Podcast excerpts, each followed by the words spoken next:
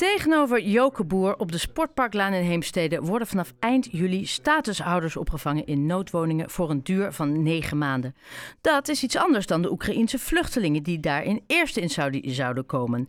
Joke en haar man gingen dinsdagavond naar de bijeenkomst op de locatie, waar ze al hun vragen konden stellen en twijfels konden uiten tegen burgemeester Nienhuis en verantwoordelijk wethouder Meerhof. Met welk gevoel ging mevrouw Boer weer naar huis? Mevrouw Boer, goedemiddag. Goedemiddag. Nou, allereerst uh, fijn om u even te spreken. Ik heb u natuurlijk uh, dinsdagavond ook kort gezien. Ja. En ik, uh, voordat ik natuurlijk vraag hoe, met welk gevoel u weer naar huis ging, ben ik toch benieuwd. voordat u naar de bijeenkomst kwam, hoe stond u er toen in? Nou, een beetje dubbel, omdat er eerst Oekraïners in zouden komen. En daarna kregen we een brief dat er ineens staatshouders geplaatst zouden worden. En dat vonden wij toch een beetje vreemd. Ja. Wat, wat vond u daar precies dan vreemd aan op dat moment? Nou ja, je hoort over uh, ja, Ter Apel toch wel dat er uh, ja, bepaalde dingen gebeuren die niet helemaal in de haak zijn. En dan denk je van, oh, wat krijgen wij hier aan de overkant dan? Ja. En, en met dingen die niet in de haak zijn, bedoelt u uh, niet zozeer de situatie dat mensen buiten moeten slapen, uh, maar in sommige gevallen het overlast wat wordt veroorzaakt. Ja, ja. ja inderdaad.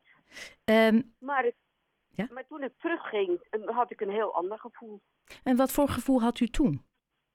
Nou, dat het uh, ja, eigenlijk wel goed is. En dat de mensen die daarin komen toch meer vrijheid krijgen ten opzichte van waar ze nu zitten. En dat ze zo een beetje wegwijs gemaakt kunnen worden in de gemeente. En, en wat heeft dan voor u het grootste verschil gemaakt in toen u aankwam en toen u weer wegging qua gevoel? Omdat wij ons een beetje genomen voelden vanwege de ommekeer dat, Ja. dat we eerst Oekraïners zouden krijgen, van die mensen die verkeren ook in nood. En dat er dan ineens gezegd wordt, nee, dat, eh, er komen nu statushouders in. Ja.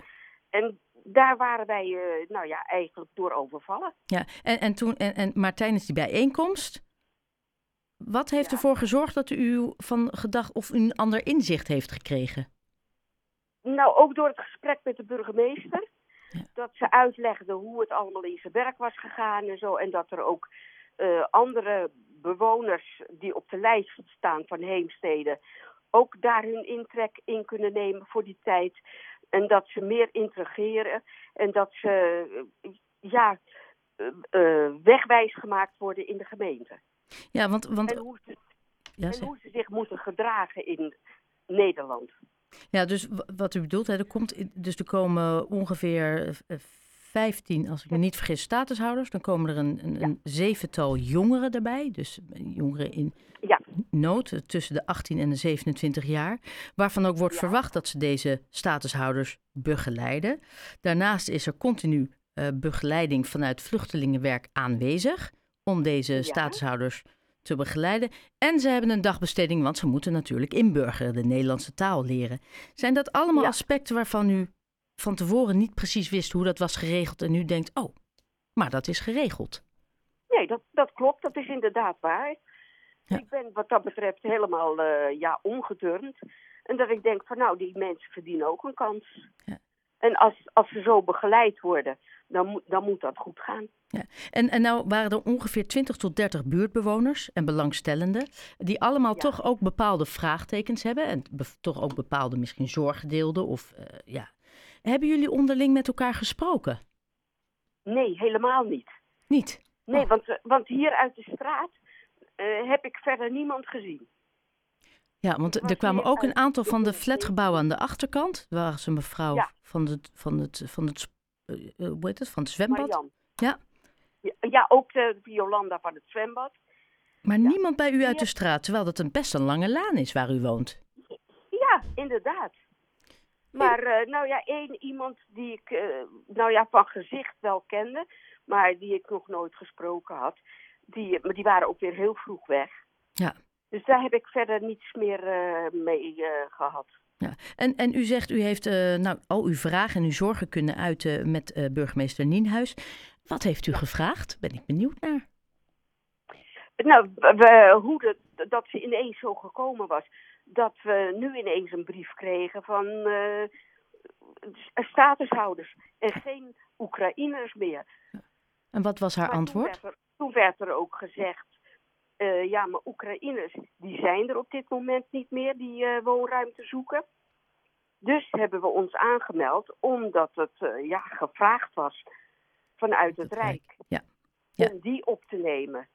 Nou ja, en als ze dan begeleid worden, dan heb ik daar vrede mee. Ja, en nou is dit voor een periode van negen maanden.